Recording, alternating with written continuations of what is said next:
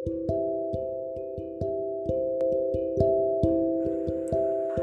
ိန်းမတွေကတော်တော့ကိုရောက်နေတဲ့ယောက်ျားတွေကိုသတိရနေပေမဲ့ယောက်ျားတွေကတော်တော့ကိုရောက်နေတဲ့မိန်းမတွေကိုသတိမရတော့ဘူးဆိုရင်ချစ်ရဲ့မင်းပဲရောက်နေလဲဆိုတာလဲကိုမင်းမိတော့မှမဟုတ်ဘူးကိုတို့ကဖနှက်နဲ့မတော်တဲ့ဖနှောက်တွေကိုလှိထုတ်ခဲ့ပြီးမှ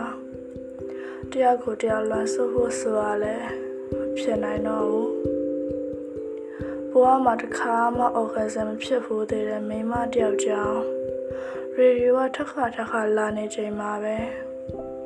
ຫນွေရာတွေကိုရောက်သွားခဲ့ပြီးပြီဒီလိုနဲ့ဘဝရဲ့တနေရာရာမှာတော့ကိုထင်မှတ်မထားမိပဲဖွေးစွနေတဲ့စပင်တွေကိုတ ကုံတရလိုမျိုးအနောက်ကိုပြန်လာဖိထားပြီးသားဖြစ်သွားခင်မှာပဲမြက်ပင်တွေကရှည်လျားတာဟုတ်တယ်ဒါပေမဲ့ကိုရိုးရဲ့ဘဝတွေကအဲ့ဒီမြက်ပင်တွေထပ်ပုံမရှည်လျားတယ်တပည့်တပင်ဖြစ်ဖို့လုံလောက်တဲ့တွေးကြုံတွေကိုမှမရှိဘူးဒါပေမဲ့သူမြစ်တွေလိုခိုင်ခိုင်မာမာအမြင့်တွယ်နေတဲ့တတိယမှုတွေတော့ရှိတယ် ပြင်းနာစာမရှိတဲ့စိတ်မှာသာရတောက်ဝနေမနေအောင်ကြည့်ရလိုမျိုးပေါ့ချင်းချင်းမှာတော့ကိုတို့ကလမ်းမှာဆုံတွေ့မိမဲ့အမျိုးမိတယောက်ယောက်ကိုခေါ်နိုင်မပြောနိုင်ဖြစ်ပြီးမျက်နှာလွှဲသွားကြရမယ်သူတွေကြီးပဲငါအိမ်မောကြာသွားပြီးတော့ကိုကိုကိုပြန်မပြောနိုင်ခင်မှာနည်းနည်းချာချာအိပ်ပျော်သွားကြမယ်သူတွေကြီးပဲအိမ်မက်တနေရာမှာတော့ ပင်လယ်လှိုင်းတွေထဲကနေနောက်တစ်ခါရင်နဲ့ထပ်ပြီးမဖြတ်စီတော့ပါဘူးလို့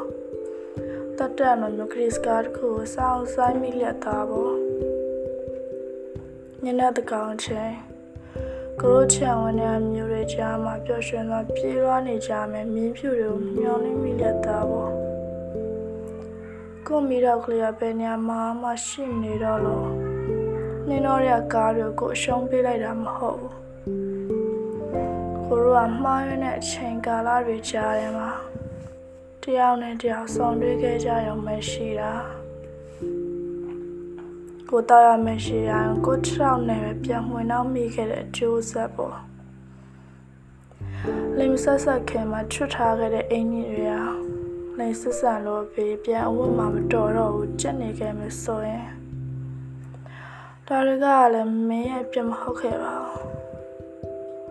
ကိုတို့တွေ့ရမယ့်နေရာမှာရှိမနေခဲ့တဲ့ကော်ဖီဆိုင်ရဲ့အဖြစ်ပဲဖြစ်မှာ